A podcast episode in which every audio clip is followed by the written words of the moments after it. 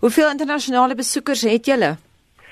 Wel, ek het nog nie getel nie, maar dis mense uit Kanada, Duitsland, uh Verenigde Koninkryk, Amerika, so dis 'n wye groep mense wat van uh, die hele wêreld afkom uh, om die konferensie by te woon. Ek sien nou ons praat van in die inleiding van kwaksalwery, pseudowetenskap, vals nuus en so aan. So dit moet duidelik 'n groot probleem wees anders sou julle nie hierdie beraad aanbied nie of hoe? Dit is inderdaad 'n baie groot probleem. Daar is uh, baie aansprake wat mense maak op uh, uh, mediese terrein, uh, veral op die internet. Hulle verkoop produkte uh, wat uh, sekere aansprake maak dat dit een of ander kwaal kan genees en dan is dit heeltemal oneffektief.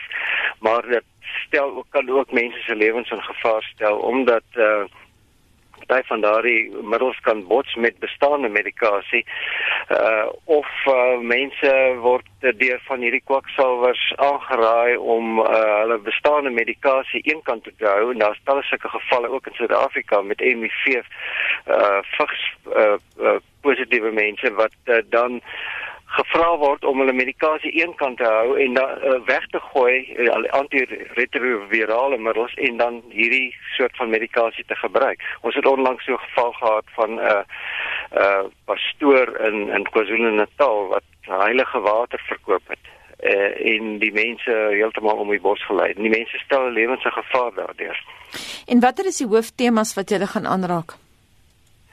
Daar's 'n verskeidenheid temas die die groot verband wat getrek gaan word tussen uh we, behoorlike wetenskapkommunikasie dat die die wetenskaplike boodskap behoorlik oorgedra word aan die publiek, maar ook die etiese verantwoordelikheid wat die media het om nie uh platforms te gee aan hierdie kwaksalvers nie. Ja, jy weet uh, die daar is geweldig baie advertensies uh, van mense wat uh produkte verkwansel uh, net eenvoudig glad nie op uh, bestaande wetenskaplike bewyse grond is nie. Hulle is nie deur 'n portierevalueerde stelsel nie.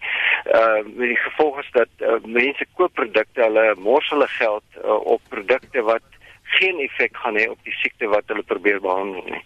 Net... So dit is een van die aspekte. Ekskuus tog, hmm. een van die ander aspekte is byvoorbeeld die regsaspek. Word ons publiek die die die luisteraar van RSG byvoorbeeld behoorlik beskerm?